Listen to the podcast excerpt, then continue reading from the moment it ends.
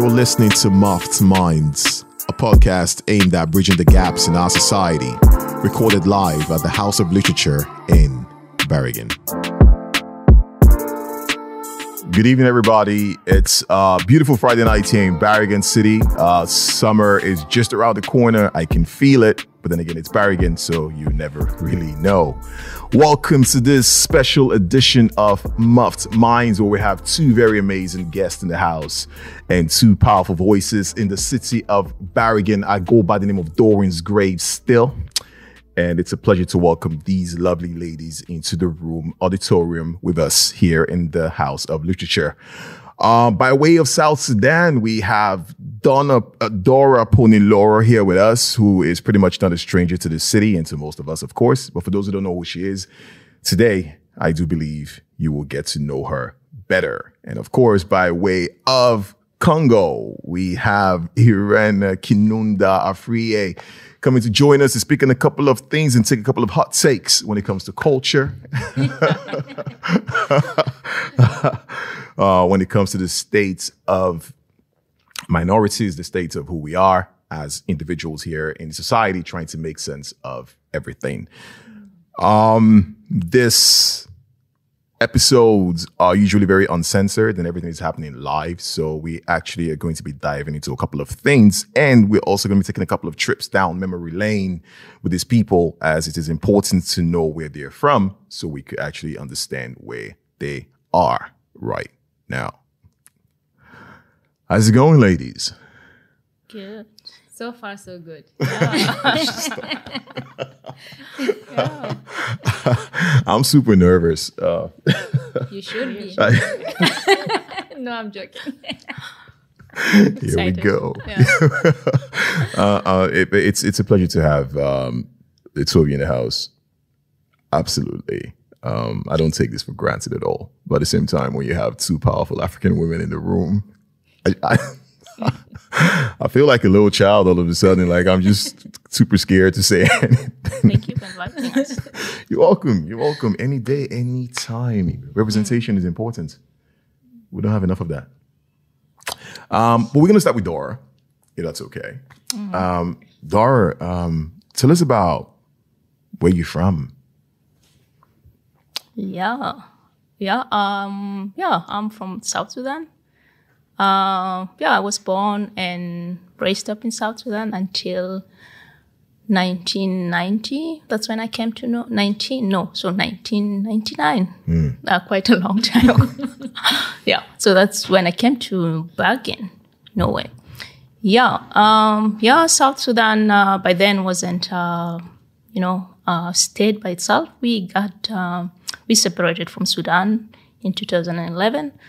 Uh, but that's where I grew up, uh, where I was born in a big family of eight. I'm the seventh of eight siblings. So yeah, coming from uh, yeah a big family, and um, yeah, society where the family means a lot, and the people around the network, the social network. So coming to know it was kind of a transition. Um, yeah, uh, culture wise, uh, climate wise, and many other things that we will touch on later. Yeah. But yeah, uh, that's where I came from. Yeah. How many women are in your family? Uh, I have two sisters. Okay. Yeah. Uh, and yeah, many other strong women in the family. Yeah. Yeah, we absolutely. yeah. yeah. Uh, okay. So yeah, and um, coming to Norway by then in the yeah, 99 now it seems like really long time ago. Um, it, it, was kind of, uh, I think we'll touch on that later. So, mm. but yeah. All right. Uh, yeah. No problem. what about you, Irene? Tell us about, you know, Congo. Well, what's that? I was born in Congo, so I'm Congolese by birth. And um, I just come from a, I don't know, maybe very good family, mm-hmm. um, big. Uh, so I had a very good childhood. Uh, yeah, that was before the war. The war. Yes. And all of a sudden, you had to leave um, Congo. Yes, but then um, I did not. The first time the war came to Congo, it was in '96, at mm. least my. And by that time, I was six. So that was the first time I ever flew from Congo. But then it was in and out of Congo and um, the neighboring countries. And uh, so in 10 years, in and out. And then when I was 16, I came to Norway. Well, prior to the war and all the um, the uncertainties, I'm, I'm pretty sure you had a great time in Congo. Oh, yes. I would say I was definitely the most spoiled kid. because I had uh, my grandfather mm. who uh, made me feel like I was everything to him. And uh, so I really, uh, just good memories, really, with mm. um, my grand, my grandfather, my grandmother. Uh, I mean, yeah, I was having good time, really, as a kid. I thought I asked that question pretty early on. Yeah. Um, because we'll jump into that, of course, just to see the way you smile when you talk about it. Because a lot of people, when they hear somebody's from a place in Africa, the first thing they associate is just the dark times. Like, oh my God, uh, there's war all the time. But now you just said you had a great. Time. I really did. If the, I could reborn again, I would like to have the very same people. Oh shit! Yeah, yeah, yeah. the very same village. it was really good. It's not for just saying. It was a good childhood, safe, loved. I never lack a thing. It, it, shows. you it can shows. see that. Huh? It shows. it shows. I mean, um, Dora, you you you actually um, was part of the International Student Festival in Trondheim. Uh, ISTIF, I think that's what's called. Yeah. ISFIT, sorry, mm-hmm. that's called, called. That's called. That's what it's called. And that was how actually your first introduction to Norway, if mm. I'm not mm-hmm. mistaken. Um, the reason I'm saying it because um, it's good to. I wanted to highlight this uh, particularly because I, we're under the impression sometimes that when a Norwegian hears somebody came here and stayed, um, they usually this general misconception of, oh, okay, so there's something going on where you're from, so you had to leave. So, but you were actually here. Of course, there was something going on in Sudan at the time, yes, but you were actually here as part of the International Student uh, Festival in Trondheim, and you decided to stay. Mm. Yeah, um, yeah. The war in Sudan, South Sudan, has been going on for quite a long time, and um, I was, uh, as I said, born in Juba, in southern part of Sudan. But then when the war started, all the schools were closed, so we had to relocate and move to Khartoum, the capital city of Sudan, in '92, and we lived there until 1999. That's when I came to Norway. And uh, by then, I'd already started my university. I went two years in doing veterinary sciences. And in the university, I was involved in the student, you know, uh, movement. And then we had this uh, ISFIT, it's an international student festival that Norway holds every second year, mm-hmm. inviting international students. And that year it was, um, the theme was solving conflicts. So again, South Sudan was one of the countries that uh, had conflict and young students were invited. We had to apply actually. We applied and had to write an essay on before you can get okay mm. accepted to it. So we wrote an essay, and my essay was in regards to child soldiers. So we got the yeah uh, acceptance to participate, but then because of the situation in South Sudan, it wasn't easy for South Sudanese to be allowed to leave the country because that's when you kind of tell the situation out there. So we were not, we were not granted the visa until the uh, conference started and we were delayed. So we tried a lot, but we got the visa like two days after the conference. But luckily enough, we could join. So when we came for the conference again, it was, and we knew the situation then was not really good in South Sudan. That's when also uh, many South Sudanese refugees were being uh, resettled in different countries. So when I got here, uh, it was in Trondheim actually, the conference. So after the conference, I had a brother living in Bergen. He came to visit, and that's when I took the toughest uh, decision of my life to to to remain in Norway. You know, to I remember the politi in Bergen going there and say, "Yeah, uh, I, am I'm, I'm I'm seeking asylum in Norway. I can't go back home." And uh, yeah uh, the situation is tough. And it was it was tough, you know. Just um, though I had a brother here, but then it's like you know, just deciding to stay in a place where you don't really know so much about, and uh, all the family network, all the things that I knew before, and having to start all afresh. So that was the start. So, and, and with um, seeking asylum, so I remember after, yeah, the police took our um, information. So, yeah, we were given a, a taxi was called, and then all the way to uh, Salus, to the Asil Motak. uh, and that's where I stayed for, yeah, about a year or so while waiting for the uh, upholstery so the, the, the residents, you know. So while my case was being processed, so it took about 10 months before I got. Uh, Which is pretty quick. Uh, yeah, that was, yeah, for, for uh, that time it was, uh, yeah, it didn't take that long because the situation in South Sudan was known and and nowhere also at that time was uh, mm. resettling mm. South Sudanese refugees. So yeah, so that's how I ended here. well, you came here, Irene. Was it like a traumatic experience for you, or was it something? No, I was looking forward to come because I came as a refugee. Mm. So I was feeling like, oh, now my life is finally going to be perfect, and uh, maybe I can live the life uh, like Fifty Cent.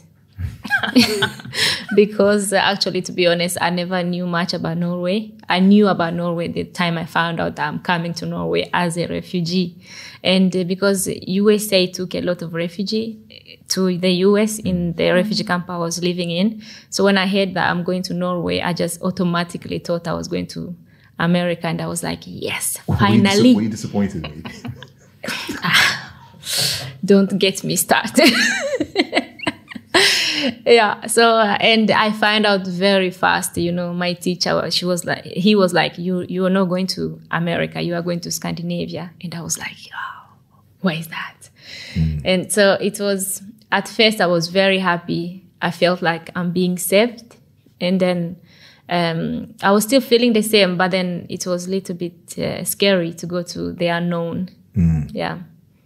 The language for example yeah. How was that? I mean, the language actually have always been the most difficult thing with coming to Norway because again, uh, in in Congo, uh, we have this thing called, for example, uh, proclamation. So which you you can name the sm- smartest kid in the class and who have the lowest yeah. And i was used to be one of the smart kids in the class. So coming to norway and have that feeling of being the dumbest it was very hard. Why did you have that feeling? Because I knew everyone else speak better Norwegian than me. So mm. whatever they would do, they would be better than me. Mm. So, and um, I, I, felt I didn't have a chance even. But then I was happy they didn't have the same system like in Congo, where they was at the end of the semester they would say who is the smartest and mm. who is mm. not, and then it was but then still it was not something that was helping me in a way because here it was more like now you have a, a ansvar for egenlæring you are responsible for yourself and I was like, yo, I'm a kid. I need guidance. and I'm used to be guided by someone. And so it was, yeah, it was difficult in the beginning. Was it the same for you, Dora, in terms of language? Was that like a barrier for you? That's something you saw as mm-hmm. another obstacle you had to overcome somewhere somehow. Um, yeah, of course. And then uh, I think uh, because I spoke English when I came, so I could at least start with that to navigate my way out. But then, yeah, knowing the language was very important to be able to understand the society and to be able to understand the codes that were hidden sometimes just to to to understand why people do uh, things the way they do. And um, I, I, remember uh, starting, you know, uh, my favorite places. uh, apart from the Asil Motak, it's like Nygård Skula. That's uh, one of the places I knew. And then the library. After Nygård Skula, we go to the library. And then Fantoft Studentby. you know, these were the three places because that's where I met people I could interact with. Uh, but then learning the language only at Nygård Skula wasn't enough uh, you had to practice it, you know. So it's like from Nygård going back to the Motak, and there lived also many people with, uh, from different backgrounds. We didn't have like uh, I spoke Arabic, so I could speak maybe with the oh. Iraqis there and the other uh, refugees. But then uh, we didn't have kind of a common language because everyone was new, and we had to to to use English or the little uh, Arabic that we knew. So it was a challenge um, learning the language, and and for me, uh, practicing it was uh, through the Red Cross because that's when I also through Nygård Skula we were introduced into Red Cross, and then from Red Cross we got to meet other young people who were also willing to to meet us young people from um, yeah who are refugees who are new in the country, and the good thing there was like. Uh, we were not met as, you know, stakkars uh, refugees, poor refugees from warring countries, but I felt I was met like a young person with, you know, dreams with ambitions. I didn't speak Norwegian, but I could speak English. And we kind of uh, were met on the same level. And that really was so important for me on my journey further, that the way I was met there, it had a lot to do um, on how I also took the other steps to get engaged did you did you get better? Um, I'm just trying to get this like flows in your stories here, and it's kind of interesting to listen to. Um, did you did you over time what changed? Because when you come here as 16 and then you dumped in pretty yeah, why can't you use the word dumped in a, a, system where you have no idea what's going on and you're kind of put in a place where the language is not even yours and you have to learn. It's like you're learning everything from scratch mm-hmm. again. What changed? What's what did you have to do to yourself? Was it a kind of mental toughness where you said to yourself, okay, Irena, mm. you almost mm. have to work twice as hard now? Mm. Did, that, did you say that to yourself or did you just say, you know what, this is what it is? Actually, I never thought. I just felt like now I'm lost forever. Okay. yeah, because um, I really didn't feel I have the chance, and because I wasn't used to um, have that kind of responsibility to lead myself in that where I'm used to have grown-ups mm. showing me the way, motivating me. And not having that was really difficult then. That's why it was hard for me. So the absence of role models, pretty much. Yes. Mm. Because it, it's funny because when you went, not funny, but it's intriguing to know because when you um, somehow miraculously made it to NL, NLR, yeah, um, the college, mm. and then you took your you wrote your master's thesis yes. on um, intercultural sciences. Yeah, it's uh, yeah uh, yeah women in leadership. Oh, yeah. sorry. Um, yeah, which which actually makes it better when you write about women in leadership because the funny things about these stories is I usually try to juxtapose your past stories with where you are today because I feel like it's connected. And when you talk about the lack of role models, especially women, mm. and then you write your thesis on women. Yeah. yeah, it's true. Because I was used, as I say, after I was six, my and the war and everything, whatever happened in Congo, the good and bad, I always had someone to look up to, either in the neighborhood or in the family. There was always someone that would I would look up and say, "Wow, this woman is." But then when I came to Norway, I didn't see the women, and I was wondering what happens to them. I know they can overcome anything, but where are they? And uh, I think then my master's it's more like me searching for role models that mm. ended up into a master degree that's not a coincidence, is it? No. because Dora, you you studied um, mm. uh, molecular biology at the University of Bergen mm. uh, for your first, well, the bachelor degree, of course, and then you decided, okay, I, I don't want to do this at all. You coming out of South uh, South Sudan today, mm. studying veterinary sciences, if I'm not mistaken, which gives me the impression that you were like there, uh, probably on your way to become a doctor at some point. and then you come here and you continue you do molecular science, molecular biology, and then you say, you know what? No, mm. I'm not doing this anymore. What changed? Or what was that experience like at uni, anyways? Yeah, I guess it, it all started with this thing of you know like growing up. You know, you've been told you're going to be a doctor, and you you you go to school thinking you want to be that. So that's what I actually wanted to do. After I finished my secondary, I applied for medicine. I didn't get into medicine. Then I got into veterinary sciences. I did that for two years before coming to Norway. and when I came to Norway, when I finished the Norwegian um, uh, courses, then I went to Cathedral School. I did studiekompetanse, and then I applied for medicine again. And I was in the waiting list. I'm like, no, I don't have time to wait. then I got into Real RealFac, and uh, yeah, I did uh, molecular biology for three years. So when I finished, I got my daughter, and then I'm like, yeah, I really don't want to to to work with um, like you know in, in researching and stuff because I thought, okay, I'm not going to be a doctor, but at least if I did molecular biology, I'll be doing immunology, something closer, you know.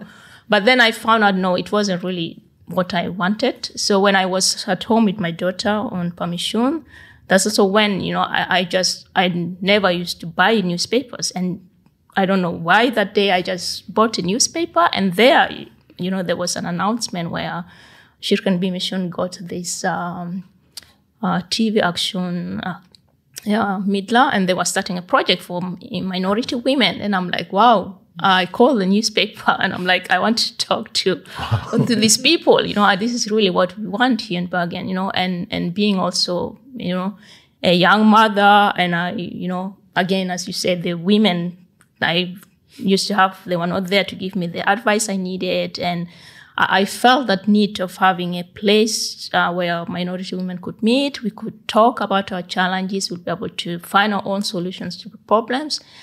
And, and that's when this desire to do social work came in. Not knowing my mother was a social work also, but I didn't really, you know, link that until when I got that thing. I'm like, yeah, she was working in the orphanage, she was working with old people, and then she was taking us to you know, to her workplace. But then I really didn't connect that until after I got that strong desire to work with women. Then I'm like, okay, I'm applying for social work. And I remember talking to a few people, it's like, oh, why are you wasting your time? You know, that's what, that's what people yeah, say. Yeah, yeah. You have done this for, for, for, for so long. And, and I remember uh, one guy saying, no, we don't need social workers in Africa. I'm like, okay, that's okay.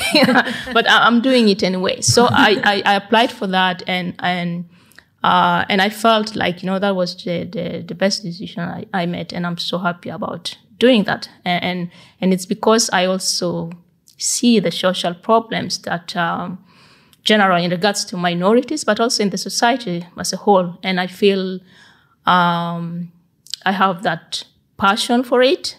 And, and I stand for love, dignity, empowerment, and full potential for myself and others. And by carrying those values in my work, you know, even at home and in every, everywhere I go, I'm able to kind of use those values and again, the passion I have for social work to, to do what I'm doing. So yeah, basically that's how I do. And how I use the chemistry and stuff sometimes when I, I, I do help with some try to help with some homework when they come, but then it's really, it lies very somewhere in the corner. I, I, I think it's more social up, chemistry at this point. yeah. But so, on yeah. a different tangent, on a different angle, one can also say, which will lead me to my next question to you, mm. Irana. Mm. Um, one can also say that it's interesting to see that when a student comes from West Africa, East Africa, it doesn't matter where, or North Africa, doesn't really matter. From there to study here with plans of going back.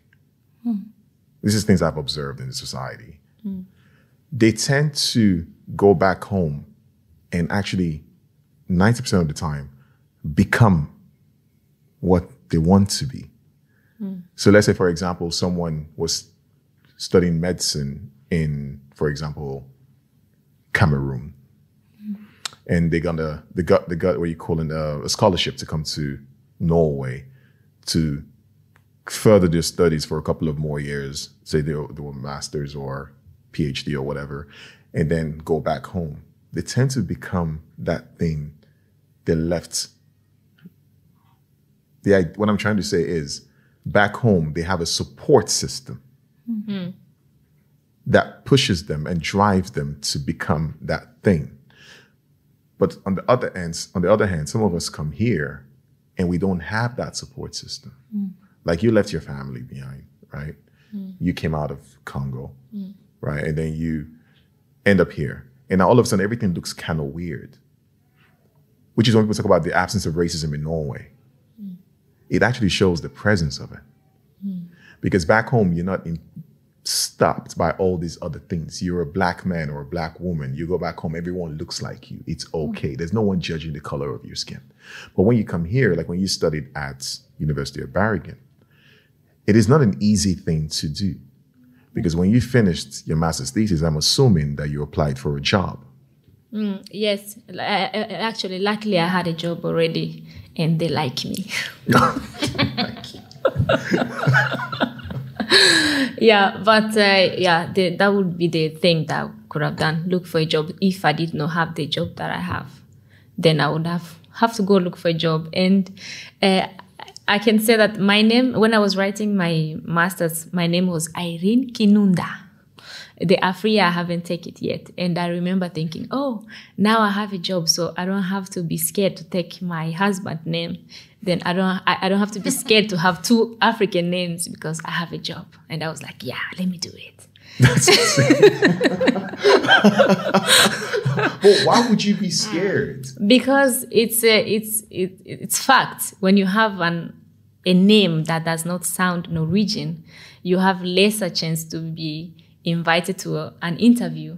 This is uh, research based. This is not personal mm-hmm. stuff, and so I know that and I really like my husband's name, Afriye. and I really wanted it for a very long time, but I never had a reason to take it.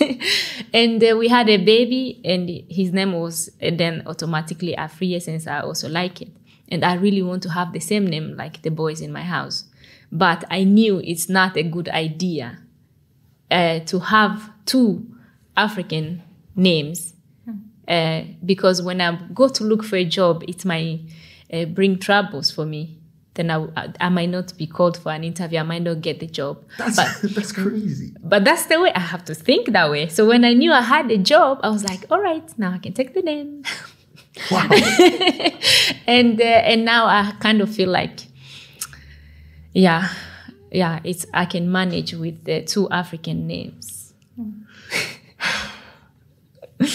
but don't you know that it's a, it's a, that's the way it is like but that's what just I'm going to ask before I answer your question. Um, was it the same for you, Dora? Uh, no, I, I think I, I, it is a problem that uh, well we acknowledge that there is a problem about uh, people not getting jobs or not being called for interviews because of their, because of their names. Mm-hmm. That it is, uh, but in regard and I know people who have changed their names, uh, but uh, it didn't occur to me to do that, uh, to change my name because of that, because I would appear for the interview and they'll look at me and still I would be the same person. um, yeah, so, uh, but it is a problem, uh, and it is still a problem um, that, uh, yeah, we are fighting for, that it shouldn't be like this. There's bias in the recruiting, recruitment uh, process, and there is racism, of course. Uh, and these are issues that are still being fought for. And, and I think also, as Irene, uh, Iran, Irena uh, puts it, you know, uh, it is uh, strenuous, it is uh, depressing, it is energy draining to always think, you know, you are applying for a job, but then you are not really certain if you're going to be called in. Not because you're not qualified, but because maybe of your name and knowing for sure that some uh, employees would do that, call you to interview maybe because it is uh, an obligation to at least call someone, two or three people, invite three or, three or four people of minority backgrounds. But the intention is not there to employ them, you know. So there is these problems in the society, and we have to talk about it. And and uh, and there's also been discussions of uh, maybe having like a blind CV, uh, mm-hmm. where you just send a CV uh, without a name, without uh, you know gender, and you know um, some details about the person. But I don't think it's a good idea either no. because I think people should be intentional about if you want to employ someone, you should be intentional. Okay, it's Mike that I want to employ because he has the qualification. Mm. I don't care where he comes from as long as he's able to do the job. But um, unfortunately, we're still not yet there. You know. What does this do to identity? What about identity crisis? doesn't this create some form of that in terms of you've come to a country, you've learned the language, you speak the language, you've done, to, you've gone to school, you've studied, you're probably smarter than everybody around, right? And then you apply for a job, and you still say to yourself, I might not get this job just because my name doesn't sound like I'm not going to say any names right now because it could be anything really. I mean, for real, does, does this affect you? Do you feel sometimes there's, there's something called code switching, um, which is uh, something I don't think a lot of people are familiar with, but it's something where even if you say, for example, you changed your name and then you get the job, does this really change anything? I don't think it would because um, you are still the same person. You still have the same mm. reference. You still have the same history, the same bloodline. So I think people do it just to survive. So mm. you know, if I change my name, for example, my name sense is Irene in English, and then when Norwegians read my name, they read mm-hmm. Irena. So since I have that kind of name, I could write when I'm I'm applying for a job, I could write Irena Jensen. And then when they call me on an interview, I would say, well, skrivefeil, you know. now I'm here. so they, from Jens Kinunda Afriye to uh, Jensen. But um, Have, have you done that? no, no, no. I've never, but lucky for me, I've always had a job. I never No, no, I'm- struggled. I was just thinking, Irena yeah that- yeah but no it's just an, i always yeah it's just an example i use because uh, because people change the names just to survive. They don't change to change who they are or where they come from. They just change for them to get into the job market. What about the But again, sorry. yeah. Yeah, it, it, it's survival, but then it's still again with other issues. It's like okay, we survive, but then we don't thrive where we are, because I think it's also, yeah, uh, as you said with identity, it's like okay, you have changed because now I've seen people claiming back their names. You know, people have changed their names, and you know, it's like getting back your original name. It's like where, yeah. Uh, the name that you had, you just had to change it because of circumstances. But now you feel like, you know, this is my identity. Accept me like that, or no, you know. So it's it's this thing again, like uh, with our children as well, you know, like raising them up and telling them, okay, yeah, this is your name, but then because of circumstances, you have to change it. You know, you have to change it to get the job.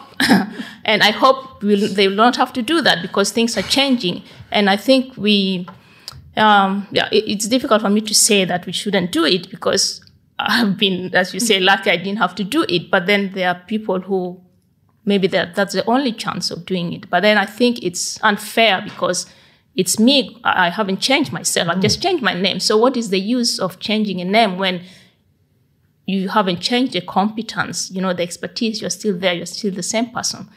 So it's just like, you know, uh, when the missionaries went to Africa, to my country, you know, uh, like my name, Dora Poni Loro. Dora is the name I got when I was baptized, but Poni is my tribal name. It means the second girl in the family, and Loro is my grandfather's name. This is the firstborn in the family. So these names have meaning. But then before it wasn't allowed, you wouldn't be able to to to to get those names. You'll have to have a John or Peter or something because that's a Christian name, and then you'll have to have the others, right? Uh, but now people are things have changed, and people are getting baptized with Poni or Kiden or yeah. So so things have changed, but then uh, here also it has to be like intentionally. You know, people have said no, I'm not changing my name if you're not giving me the job and stuff. But of course, it's a process that have to to start with the policies and people in leadership have to take that role and and um, managers or hiring um, bureaus uh, they have to be intentional about doing that you know so But I have to say that it's another side of this uh, names problem. Because I feel it have also somehow inspired me to take to be even to hold fast to my own name. Because then I know there's no way I'm changing Kinunda. I mean Kinunda, that's my grandfather I was talking about. It's not just any name from the street, and so it's a name with meaning and yeah, and. um and I feel like, okay, I want to challenge myself and see how I can strive, not with just one, but two African names. Okay. Yeah. It's a I- personal- I, my personal challenge. I'm like, I'm going to strive with my names. a beautiful name Thank you. Ah, Imagine you apply for a job with that name or with your name, and then the, the guy who sees the, the resume uh, says, Oh, wow, that's an interesting name. I would like to meet this person.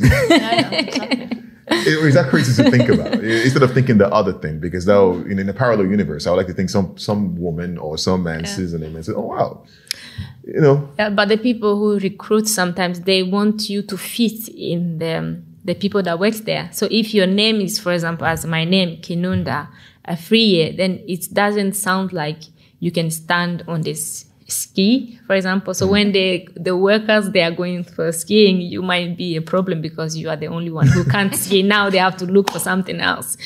You see, and so it's sometimes it's just small stuff that makes you not come in.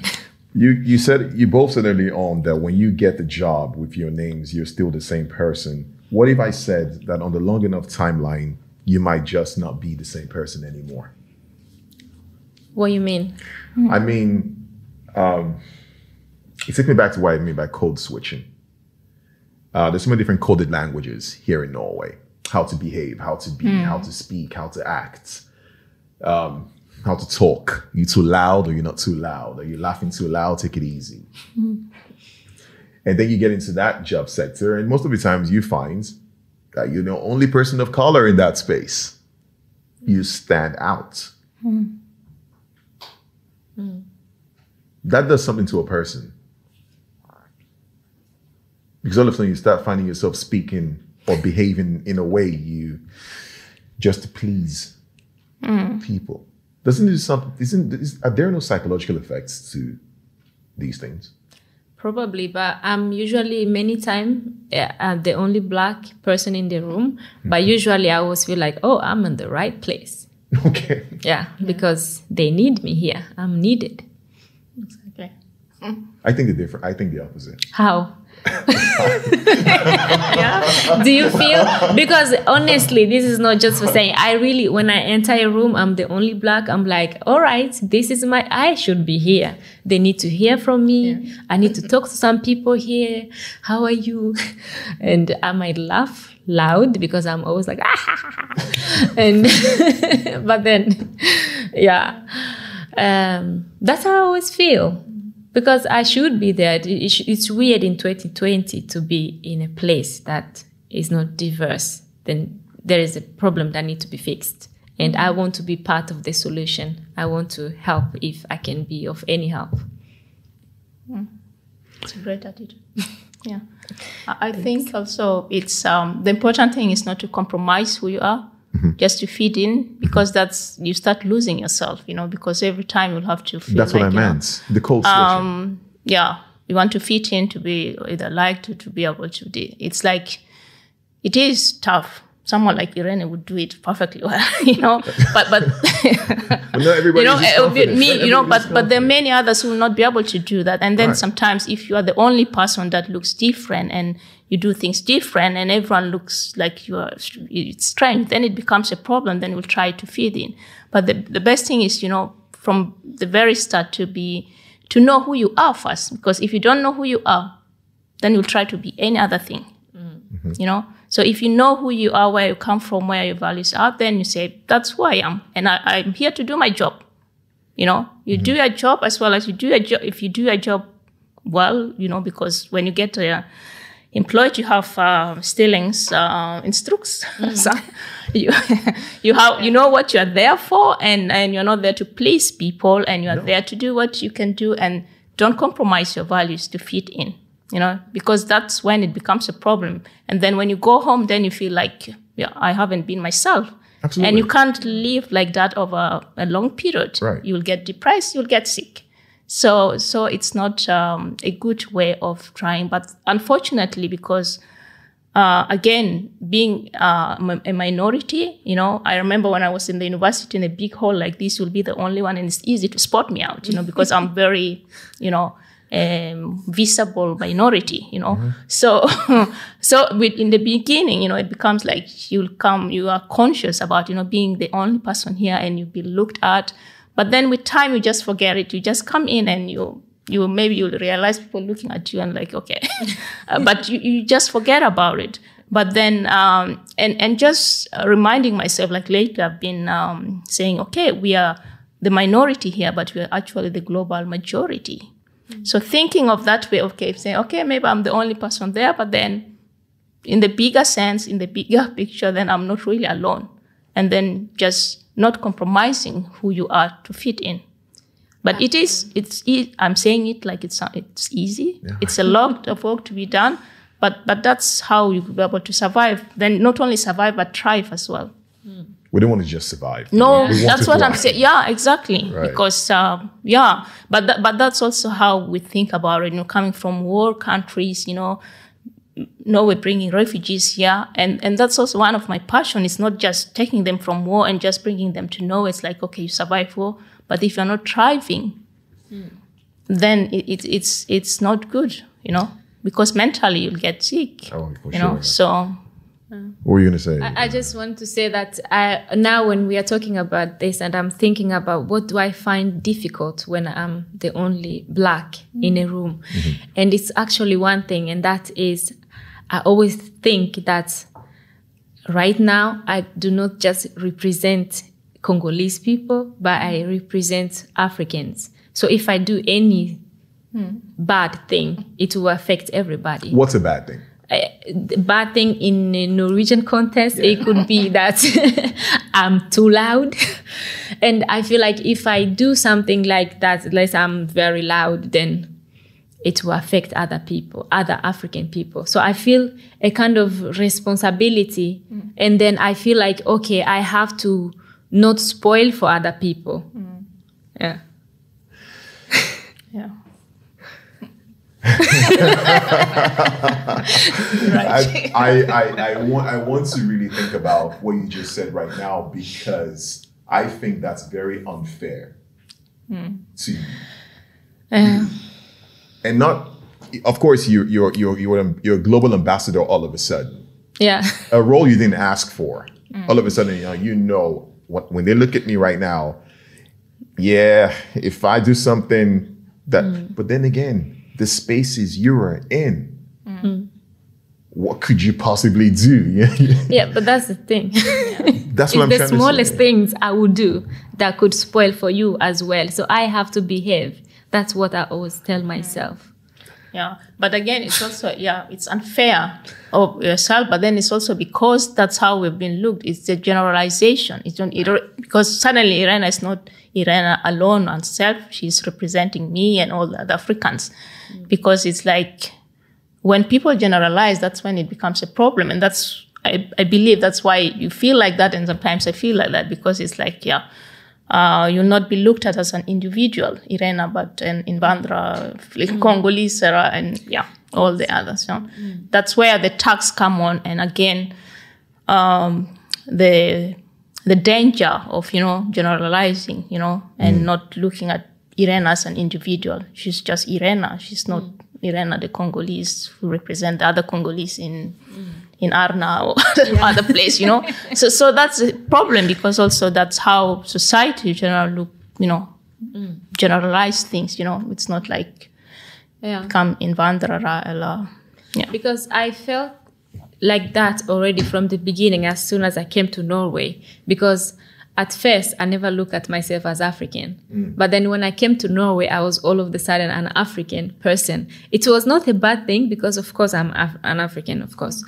But then it was just a little bit weird. I'm like, oh, I'm I'm being looked up like that. Oh, now I'm an African. So when they are talking about Africans, like, oh, there was this African lady there. She was, uh, oh, yeah. So African women, they are like this. Oh, then, so I started to feel it from the beginning as, They let you know quickly. yeah, that you are one person in a way. Mm. And yeah, I guess it just stuck in there because that's the only thing I could come up with now when I'm the only black.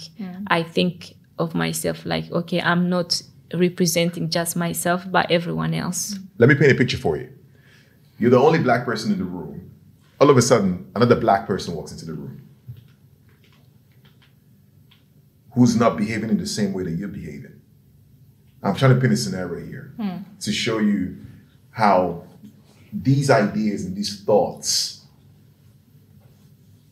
don't make any sense in terms of how Norway is being designed.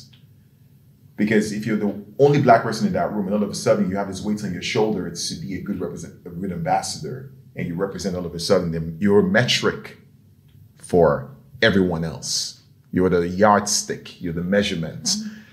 If you speak too loud, they'll say, "Oh, oh my God, black people talk too loud," you know. but it's so freaking unfair because what if somebody else comes in who's also black, but now is a bit louder than you? I find that the only person who reacts most of the times is the other black person. yeah. Oh, yeah, yeah. Ah, you know what I mean? And be like, like, Okay. keep it down. You know, like, I oh. do that. I do. Don't spoil it for us. calm down, calm down. But this is systematic oppression at its finest, ladies. You know, as in, and it's so unfair. That's what I keep saying. Like when I walk into a space, I I have this. I, I'm an artist, and I go in and I'm like, nah, I don't care. you know, like, be, you know why? Because what I say to people is it's deeper than that. You speak Arabic and you speak other languages from South Sudan. I don't know what they are. I wish I did. But yeah, I would like to speak. I would like to think you don't only speak English or Norwegian. No.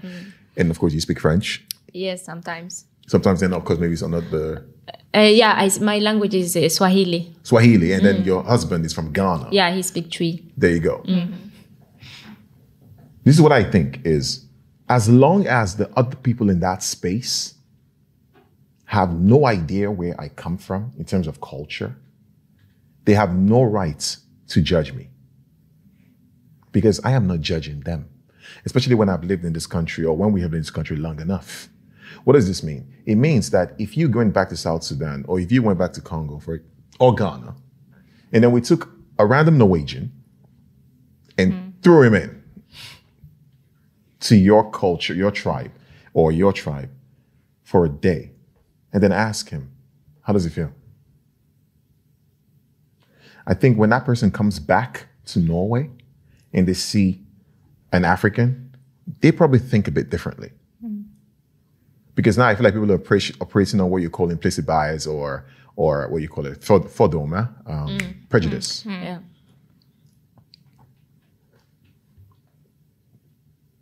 Women have been marginalized for a very long time, unfortunately, in terms of work, in terms of not getting paid the same as men for some re- weird reason or the other, even though women do like all the work. With- Without women, I am like, without a woman in my life, I am done. this is a fact. It's good to acknowledge. Oh, no, it's, no, I'm useless. no, you should see me at home. I'm just horrible. Um, but then again, being a black woman, what's that like? He's good. Power.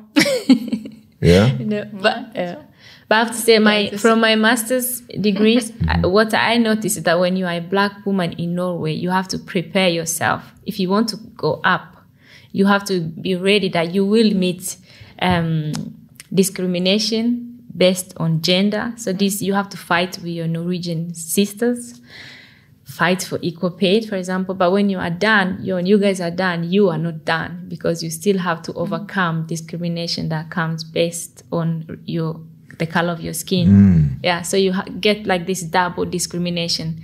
So that is that's how it can be to be a black woman in Norway. Mm. So you just have to work three times more Three times. than everybody. Just that, and you got it. How does that feel? Yeah. no, I think um yeah, we, we touched on racism and then there's this you know colorism and again um skin tone bias, you know, because it also has some degrees of how we are kind of classified being and you know, black, black African, that's one thing. And then uh as minorities, you know, minority women, we are like okay, we are different, you know, different backgrounds. But then again, when it comes to this issue of again colorism, you see there's some also discrimination there.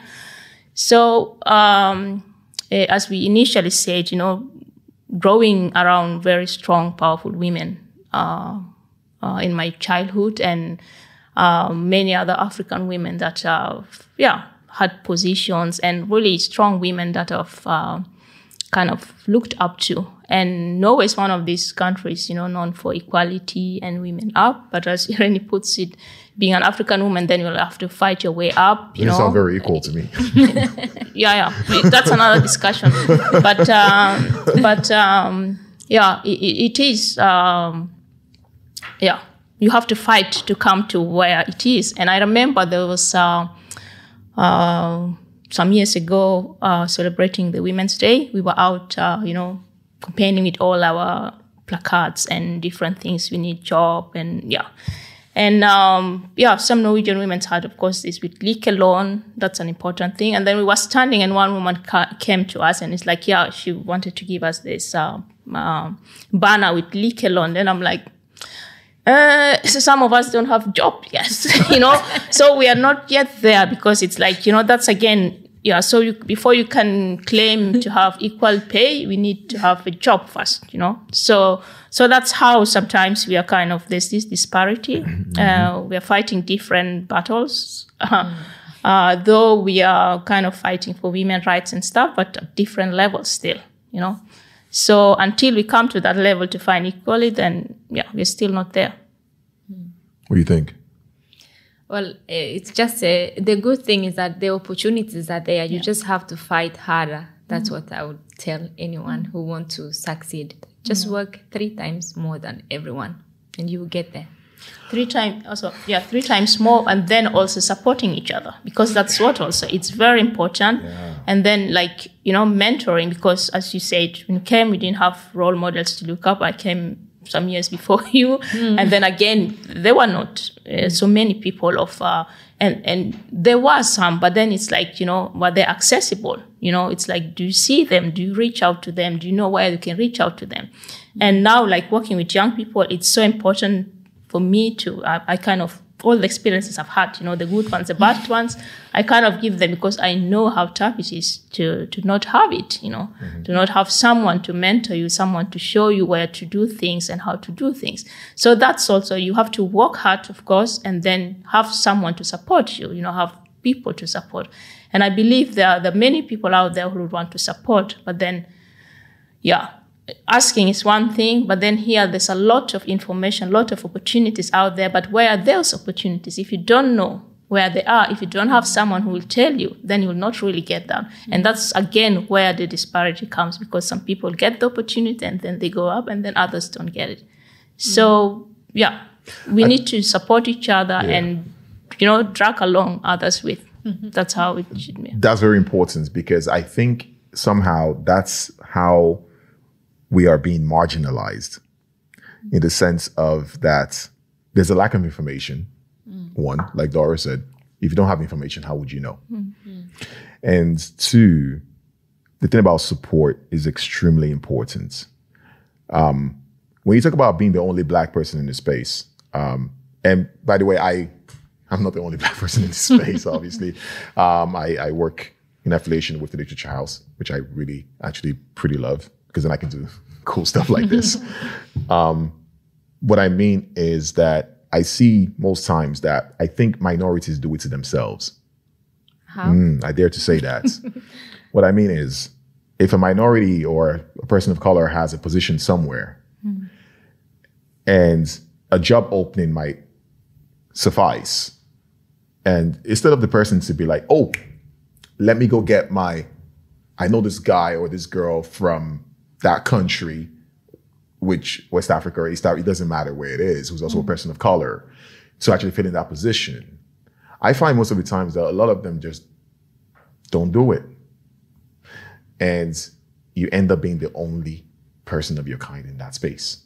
Because haven't you seen many times where there are certain certain events? I have seen some events being organized here in Bergen. That's why I stay away from them, quite frankly. Being organized in Bergen where a person of color could have led Mm. A person of color could have led that. You're talking about African history, you don't hire a white guy. you know what I mean? Or a white woman to do that. Call someone who's from there and give them that job.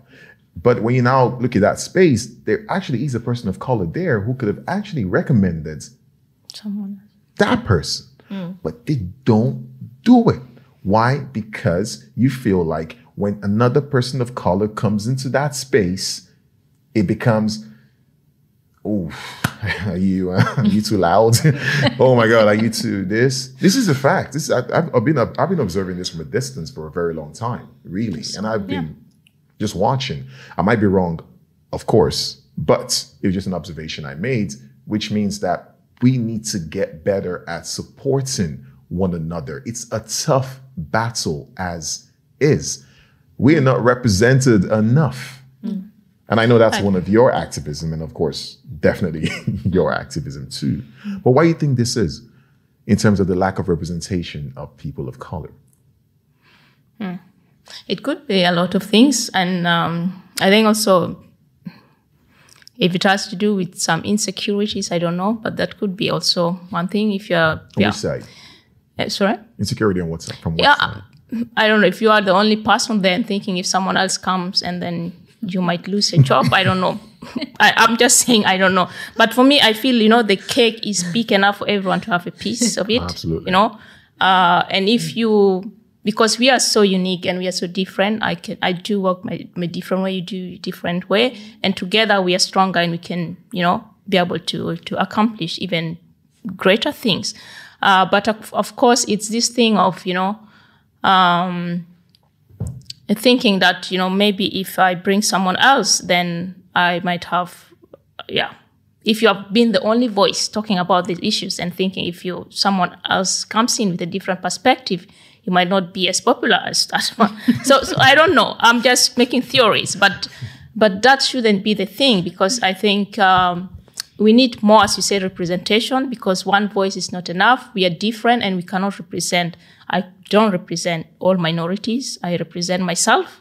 And though I have stories and experiences from the people I've worked with, that would be something I can offer. But there are a lot of perspectives that need to come in place. And that's why we can't be just a one person there. Let's say, for instance, uh, in the child welfare services, there's a need of having people with minority backgrounds, many, not only a few, because we have so many families that we meet that need to be to be met with different perspectives. And if you don't have those perspectives in there, then it might be a bit um, uh, we will not meet the families the way we want to.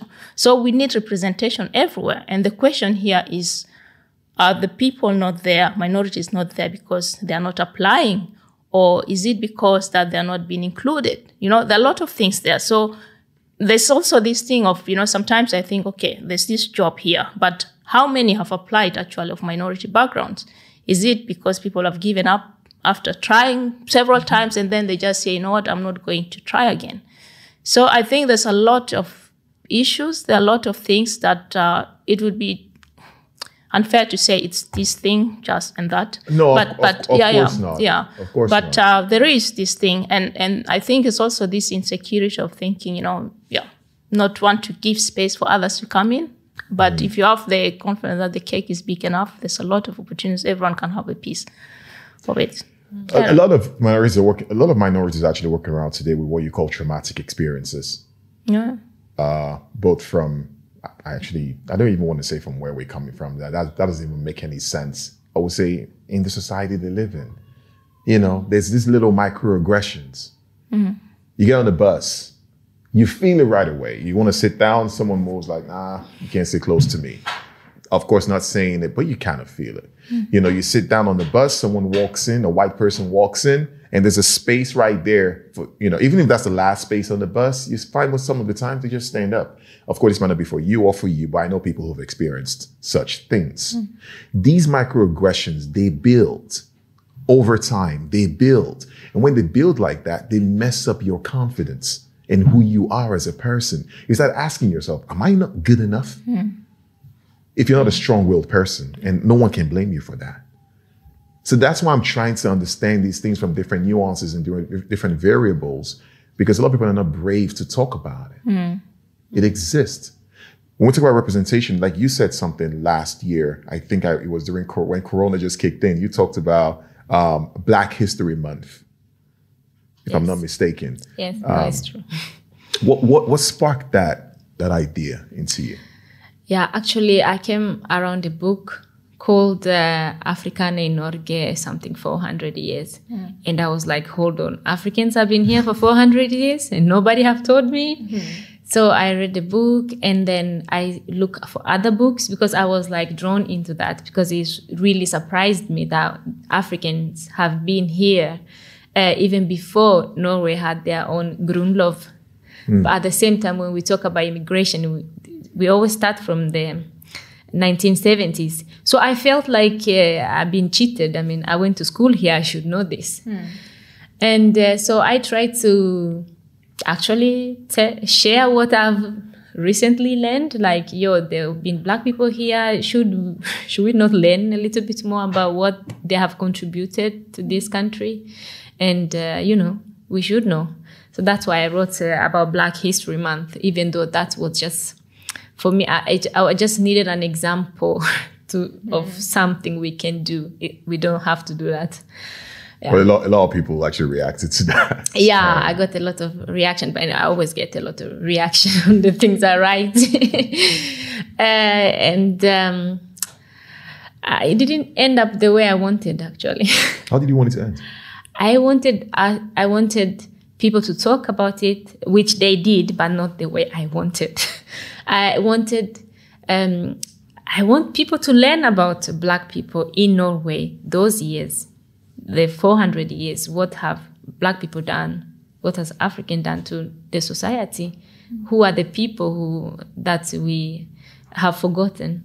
What did Norway do when it comes to slavery? We know that the Norwegian they built the boats that transported slaves from Africa to other parts of uh, the world, and we know that Norwegian were involved in the slavery trade, but you don't it's like even in history they just touch it a little actually i don't remember ever learning this in school norwegian involvement in slavery.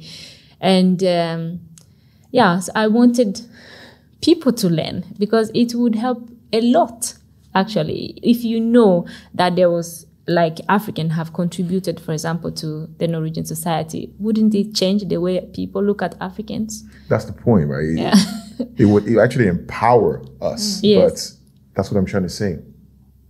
There are, I think there are certain systems in play that don't want us to look empowered. Mm. Hence the lack of representation. Yeah.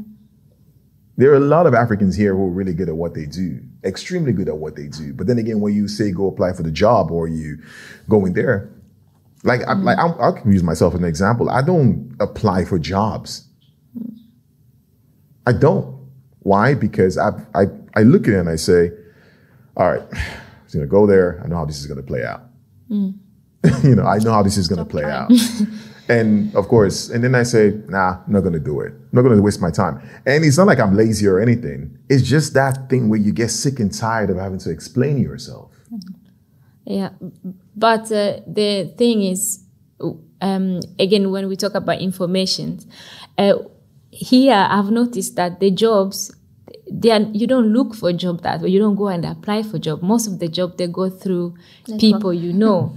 And the problem that we do, I can say as Africans, is that when you come here, you get to know as a Congolese, for example, it's good to meet other Congolese people. They speak your language, they eat your food, they don't judge you in mm-hmm. any way. So you, you kind of you get a network, but it's a network that will not move you to the next mm-hmm. level. And it's a network that are also struggling about mm. the same thing. And then you end up being just there because you have not um, uh, look for the people who can uh, like give you a lift when it comes to So white people.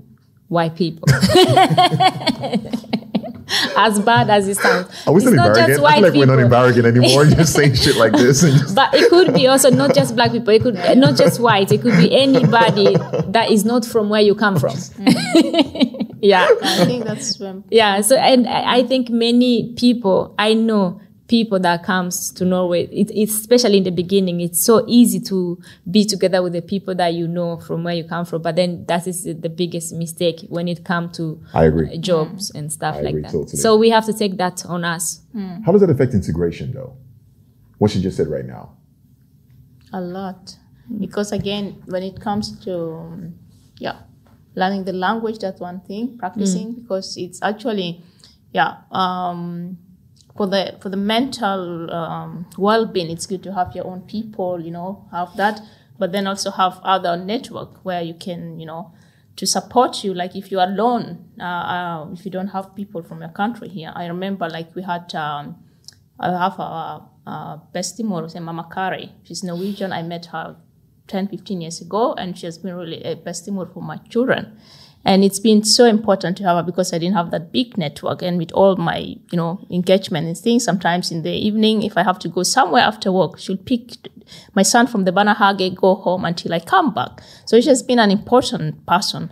And though I had another network also, some people from my country, I had network also from other people that were important to me in regards to like if it comes to job or being referenced. Because if you have to have a reference uh, for a job you're applying, you should have someone who knows you not privately, you know, someone you have worked with or someone who can recommend you to someone who knows someone who knows someone. You know, the network is big. And it's also with integration, then you also get to, to, um, um, entry into different arenas, arenas that you will not get to if you are only with people from the same country who are in the same situation. And most of the time, it becomes these depressive conversations of not getting jobs, of how bad the country is. Oh, then it's like you are getting deeper into, you're sinking deeper down, you know? So we also need to say, take the responsibility upon ourselves and also create good networks, networks that are beneficial. It's not all the time. Yeah, there are things that are not functioning well, but there are also very many good things. But if your focus is only on the negative, then the negative becomes bigger, mm. you know? So yeah, we work hard, of course, and then get the networks that would also give you a springboard, like a springboard mm. to something else, you know? Mm. And then because it's knowing someone who knows someone who knows someone, then you get to where you want to go. Mm. Yeah. I agree. Um, not entirely, but I agree. uh, and that's just because I was going to focus on something else, which actually I think gets ignored a lot, and that's culture mm. in terms of integration. Um, a lot of people uh, come here, and I hear this thing often like, "Oh my God, it's not like where we come from. Oh my God, it's not like home." And I'm like, "Newsflash, you're not home." you know, I'm sorry, you know, yeah. newsflash, you're not home. and and I understand the need to feel that connection to home. I'm not mm from here. I'm from Nigeria. Uh, but I understood pretty quickly the things I needed to do to understand the society. mm Because coming from Nigeria, I actually grew up um, listening to all sorts of music. Yeah, Fela Kuti, right? Um, Fela Kuti, Oliver De Coque. And then luckily for me, my dad was living here in Norway. So when he came back home, he would bring music from here. So I was introduced to like a-ha, mm-hmm. ABBA, Boney M, all these people pretty early. So when I came to Norway, I pretty much just, and I loved hip hop, and I just stopped. There was a time I just stopped listening to hip hop for a second. I switched it off. I'm like, no hip hop. Let me see what they listen to here. And I started listening to rock. I love rock music a lot, mm. and every other thing. And all of a sudden, things became easier mm. somehow because the conversations were mm. like you know like yeah. i can meet a guy and we just base our conversation on say system of a down or linkin park or someone and that's it and we just and they're like oh you like this I'm like, yeah it's dope and then afterwards i'm like what about hip-hop yeah I listen to hip-hop and then we go and then from there it becomes mm. something else and of course movies going to art galleries and exhibitions and watching stuff mm. and it's not like i wasn't hanging out with nigerians i was but at the same time i was trying to i actively was trying to find something outside where mm. I'm from because I felt like culture is always sometimes the key to understanding uh, not just peanut shells, of course. That's that's nice, but it doesn't nice. go a long way. But you finally you you're working on something uh, called Congo Norway yeah. Tutu. Out. Let's talk about. yes, I'm going to have a show about identity. Mm-hmm uh, which I've said Congo and Norway is still 50-50. I uh, like I feel like I, um, I want to talk about who who am I? Okay. Because I feel this is a question that we should all be asking ourselves. Just like you mentioned earlier, when you know who you are, there's nothing you then you there's nothing that you not just go with the wind. And I want to be that kind of person. And um, so I want to talk about identity uh, because um, I have noticed when I'm writing, for example, I write a lot. And when I'm writing about Norwegians, I would I would write we Norwegians. Oh, because okay. yeah, because I am part of the system. I'm part of the community, the society. So that's why, uh, like when I was writing about um, uh, racism, and uh, traveling. I, it's a long story, but anyway, I would write. I would write we Norwegians. But then when I'm also writing about Congolese or Africans in general, I would also write we Africans. Then I'm always like, can I be both we Norwegian and we Africans, or do I have to choose? So then my show will be about that. Do you feel like you have to choose? And that's the thing that I, I would like to find out. Do I have to choose? Can I choose at all? Could I ever be Norwegian? And can I be that? Do I want to be that? All those questions I would like to answer because, I mean, Who defines that? If a Norwegian asks you where you're from, what do you say? I say Congo. You say Congo. Yes. And you say, of course, Yeah, South so Sudan. But we find sometimes um, some foreigners who've lived here for a long time and do speak Norwegian fluently. If they, they've integrated, they have everything, and then then they get the question. Like let's say when you go to Rema 1000, to, to you know what I mean. You want to go buy something and you start speaking Norwegian and they start speaking English back to you. Yeah. That, happens, that happens to me a lot. Yeah. I wonder why. and and you get that question of, um, I mean, hvor er du fra? And then you say, some people say actually say Norge. Is is is this, Yeah, is yeah, this of course, yeah. Yeah. But it's, I would say that there's a big difference between me and the person who is born and raised here hmm. because they don't have the same reference that I hmm. have. Mm-hmm. So that's why when they ask me, where are you from?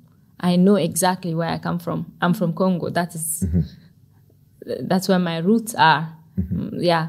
And, uh, but if you are born here and raised here just like a Norwegian and then people come and ask you where you come from, then it can be, I feel, I understand like it could be difficult because then you are two, you, you are two Norwegians from wherever your parents come from and you are two, uh, African. African for the Norwegians. So you don't belong, belong anywhere.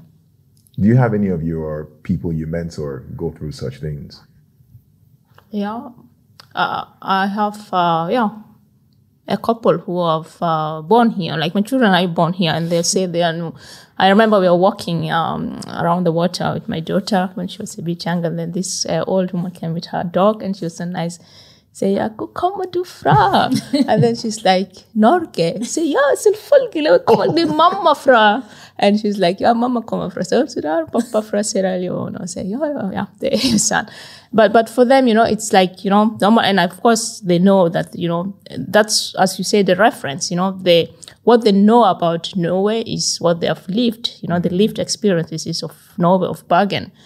And what they know about South Sudan or Sierra Leone is through our narratives, you know, and where they also. And I think it's it's this thing of uh, um looking at it as you know uh, an advantage actually that they will they will be able to navigate so many terrains with different identities. The problem becomes when we want to place them that you are either Norwegian or you're not Norwegian and stuff, you know, because I think. Um, and that's the narrative that's going on where people feel like, you know, you're not accepted as a Norwegian because you don't look like a Norwegian. And then who puts you there, you know, in this category as Norwegian or not Norwegian?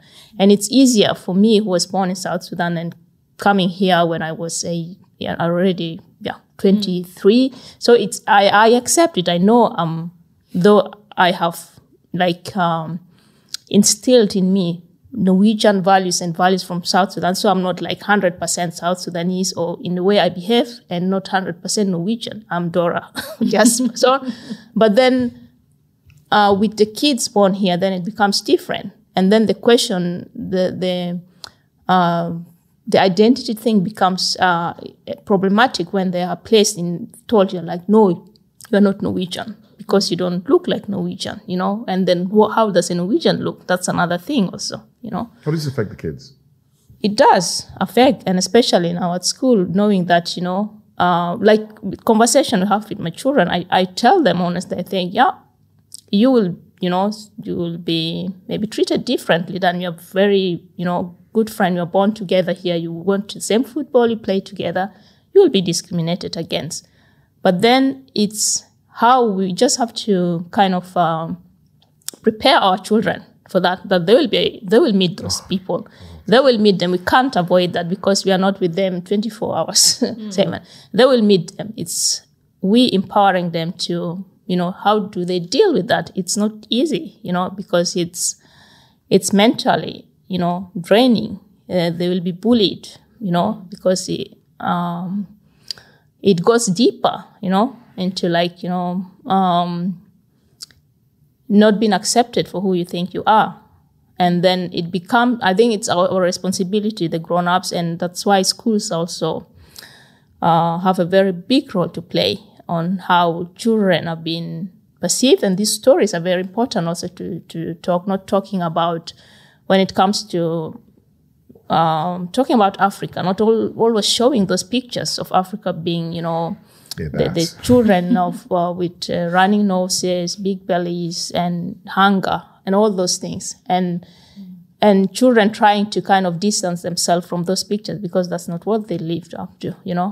So it's it's a work that we need to do uh, collectively, both as you know, parents talking to our children, you know, truth, telling the truth, because there's racism. They will be bullied. They will meet people out there who will not uh, treat them well. But how do how would they tackle those things, you know? It's not and easy to be the again- foreigner, is it? Yeah, and then teachers meeting those children, how would they tackle these things? And it's also one thing about acknowledging that there is, because when you don't acknowledge these things, then children might stop also telling the, experiences. Because if if you don't if you don't um, acknowledge that there's racism, there's bullying, then I won't come to you and tell you what I've experienced because you don't see that, you don't experience that. So that's what we should avoid because there's a lot of um, issues young people are going through. And if me as a parent, I'm not, I've not worked with myself, with my issues, my daughter cannot come to me and tell me how she's, what she's experiencing because I'm not ready to take that in. And then when a student experiences that and goes to the teacher and the teacher is not in that place, sorry, to, to, to kind of uh, talk to that child and be able to meet that child's feelings, then we are not going anywhere. So it's a work that we all have to do. Yeah, it's therefore, I I feel I feel that the schooling system has a lot of work to do when it Yeah, comes to there that. is the school, the banner. It starts actually from the Barnehage, and the now Ba- yeah. because uh, uh, seeing our differences as um, uh, someone said it so nicely. Uh, it's like you know our um, looking at our differences as uh, oh now I forgot it. It's like you know um, there there are three levels of it. It's like um, I am valuable, you know, looking at yourself as a valuable person. You are, I'm like you because I'm human and we, we relate to each other as humans. Uh, on the second level, I am like, you know, I'm like you because I'm African, you know, because we're Africans. And then the third level is like, I'm different because I'm unique. You know, if we start thinking of that way instead of labeling of white, black, and all these things, then we will come further. And for children, it has to start from the Barnehage, teaching them that we are different, but we are also valuable.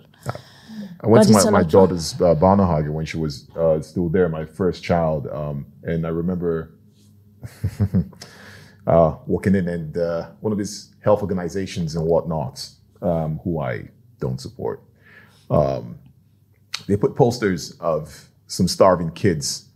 Uh, they were doing like a project down somewhere, and it was a bunch of kids, and and I remember walking in there, and I and I said, "What is this?" who are these kids? Do these kids know they are here? You know, like Kingsley said, I don't know if you watched the interview with Kingsley, where you're not allowed to take pictures of kids. Yeah. You're not allowed to take pictures of kids here. It's impossible. You hmm. can't do it. You go to jail for that. If that is the case, Without consent, yeah. it, without it, without- exactly, and even with consent, it's kind of weird. you know, you, know you, you take pictures of Parent. kids, and then, you, but what gives you the right to now go to another country and then take pictures of a bunch of kids, and sometimes even see the white person standing in the middle of that picture, like the white savior. You know what I mean? And just stand there, proud. Oh, look at all these kids, and these kids don't even know where these pictures are going to. And then they put the picture somewhere and say, "Boom, support this." Mm. And then these other kids in Barnehage, which is kindergarten, they go there and they look at these pictures and they say, oh, oh yeah, oh wow, stakkars. Oh my God, dark skinned kids, look how impoverished they look. You're mm. registering these things in the minds of little kids when they see it. It's registering in their subconscious. And now my kid is dark skinned. This is the reference points mm-hmm. for the other kids. When they walk into that house, they're seeing a picture of, you know, mm-hmm. this is their reference point. Every single day, it's registering in their minds. My kid will see the same thing. Now, what is she thinking? That's what I want to know. So I go there and I took down the poster. Hmm. And they looked at me like, What's wrong with you? I said, Nah, there's nothing wrong with me. The question is, What's wrong with you? Thinking mm. that it's okay to do that. And like you said, it starts from the Barnehage, it starts from the schooling system. Mm. Mm. At home also. At home, of Yeah, course. Yeah, that's why very I'm difficult around the, the dinner table. Yeah, the conversations. Yeah, I think it's also these yeah, narratives. Yeah, the the media plays a big role, Mm. and which stories get to be shared and who shares them. So yeah, we have a responsibility of telling the good stories. If no one is going to tell them, so you have to do it yourself, because that's yeah, we can't expect others to do the job if yeah. So we do it and then we continue doing it and then others will follow. Because it's again these narratives there and then the danger as uh, Chimamanda says the danger of a single story. If the single story goes around then it becomes the truth the true the only true story. oh yeah. When did you realize integration was a problem here? Uh, the problem with integration here is that the, they they don't want you to integrate. Actually, the fact is that you have to be assimilated. Okay. Yeah, because since I came to Norway, I, as I said earlier, I felt like Norway saved my life. I have to give something back. All right. So, and uh, coming here, I try to, when they say you have to integrate yourself, I was like, of course. As you said, this is not home. I can't just expect like everything will be like Congo. So I was ready to integrate. And I always ask myself, yeah, when am I integrated? Is it when I'm, I'm eating tacos Fridays? Or is it when I go to the mountains? Uh, Do I have to support Brann when they're playing football? So I never get the answer. And then I have realized actually when Norway speak of integration is actually about assimilation. You you you have to be as Norwegian as possible, but at the same time, it's like you can never be Norwegian, if you understand what I mean. That's deep. yes so um, so that is the first problem with integration for me because it's there is not when am i integrate you want me to integrate all right i want to be integrated what do i have to do when am i integrated the people that even talk about integrations usually is uh, politicians they have never integrate themselves into the society so it's like yeah so that's the first problem i see when it comes to integration here And that's the reason why I don't vote. you should vote. Ah, Yeah, This year we are all yeah, going to vote. because if you don't vote your silence means a you lot have to vote. I feel like they dis- the politician affects our life so Mm. much that you have to vote. I said that just to get you to say that. You must vote. yes, and I'm going to work on it literally. The whole from summer, I'm working on getting everybody to vote. I'm not going to accept anyone from not voting. Whatever happened to democracy? that is democracy. Democracy. You can also vote an empty. Uh, You don't have to write choose anyone. You just put it there. Yeah no, I, I We'll get to that. yeah, I should No, just I- say something about integration yeah, What that's say? it. can I say something about it Sure, absolutely. yeah, I, I think I agree with uh, Irene. And then uh, it's also this thing of um, when talking about integration, is like, you know, uh, it's like minorities should integrate themselves in the Norwegian society, not looking at integration as a, it's, it's like a two ways thing, you know? It's not, you know, you just don't, it's not a one way thing. You, it's like someone opens up for you and get in and it's an interaction between the two. And as you say it's not like uh, sometimes i'm asked are you integrated? And i'm like it depends you know there, there's some you know spaces where i get in and i'm like i'm lost. I don't understand anything you know? So it's like if you take like um, if you consider um, integration as a staircase it's like you know different steps different stages and for someone at the fourth level of the staircase they're okay. They feel they're integrated, and that should be okay. And then when you come out, they are learning the language. Of course, having a job could be something for someone else, but then it's it's um, it's a process, and it needs uh, the support of the society, you know, so that you feel that you're integrated.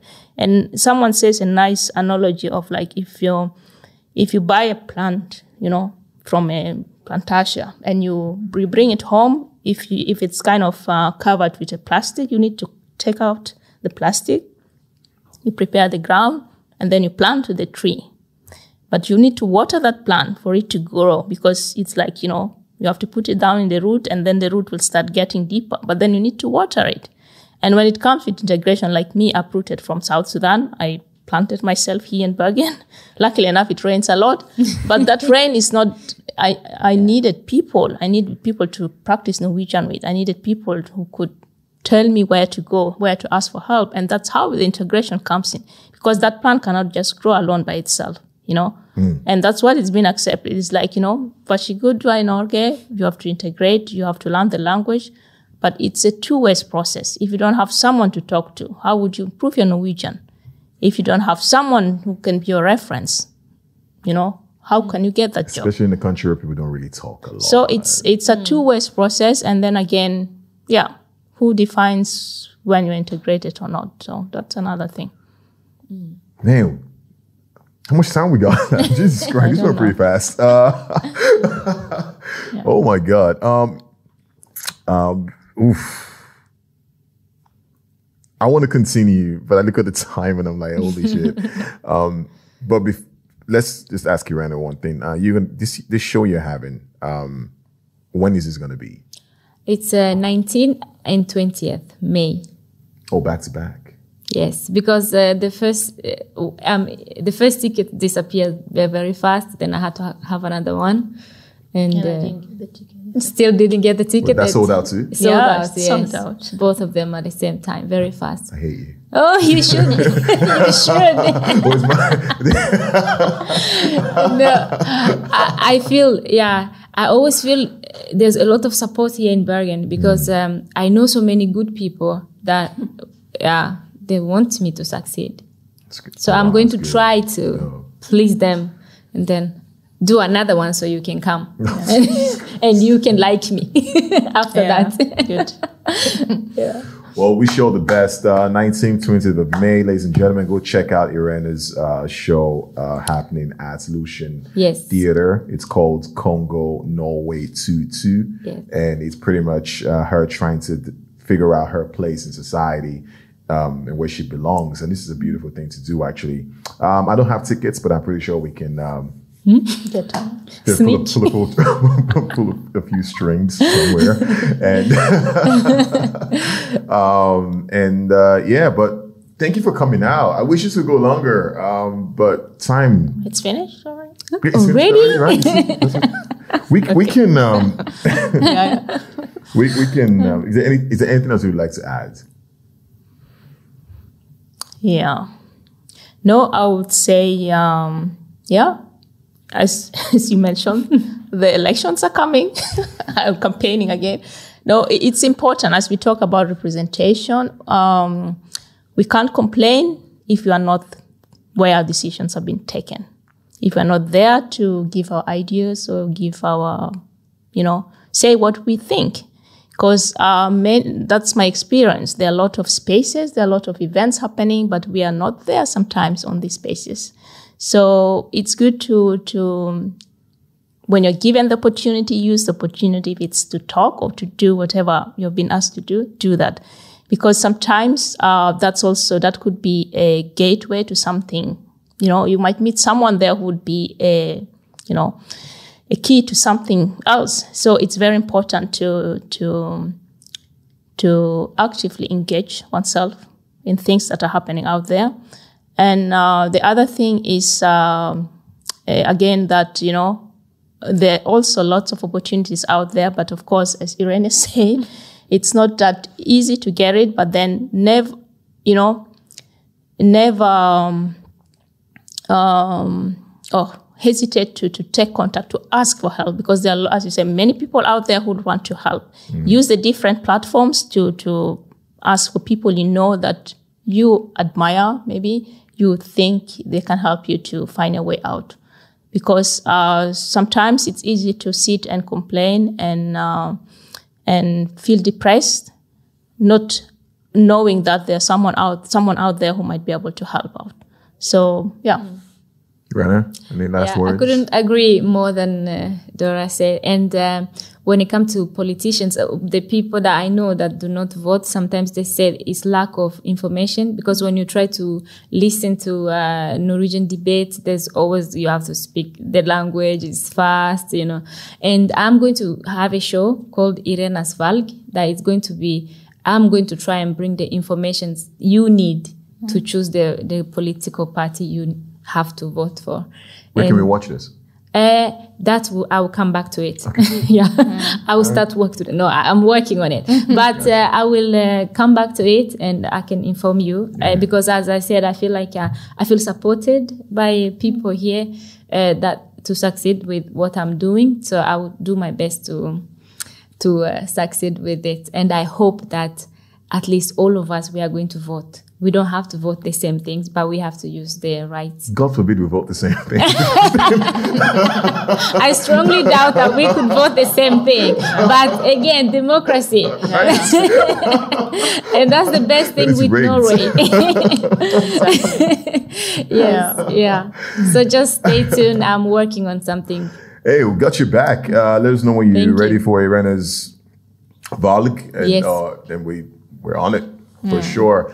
Thanks for coming out. Uh, I really Thank you. appreciate it for sure. Um, thank you guys for watching. Uh, let me just say quickly that this this idea, this concept, this sit down, these things are what I would like to call hot takes on culture and the system at hand. Um, sometimes you have to be rational, sometimes you have to be diplomatic, but sometimes you really don't have to. It's what makes it beautiful. Um, I usually say be yourself because everyone else is taken you know. Uh, so thank you guys for watching. Uh, I hope you guys are inspired. I hope you got some information out of this. Uh, you don't have to agree with everything that was said. Let me put out that disclaimer. uh, but we're here. We talk about it. Racism exists. Absolutely. No one can say anything differently. We have to talk about that, address it as much as we can, and not be scared. After all, it is a democracy, as they say. Thank you for watching. Have a good night and stay blessed. This Meeting of the Mind podcast is brought to you by Slam Poetry Bergen in conjunction and collaboration with the House of Literature in Bergen.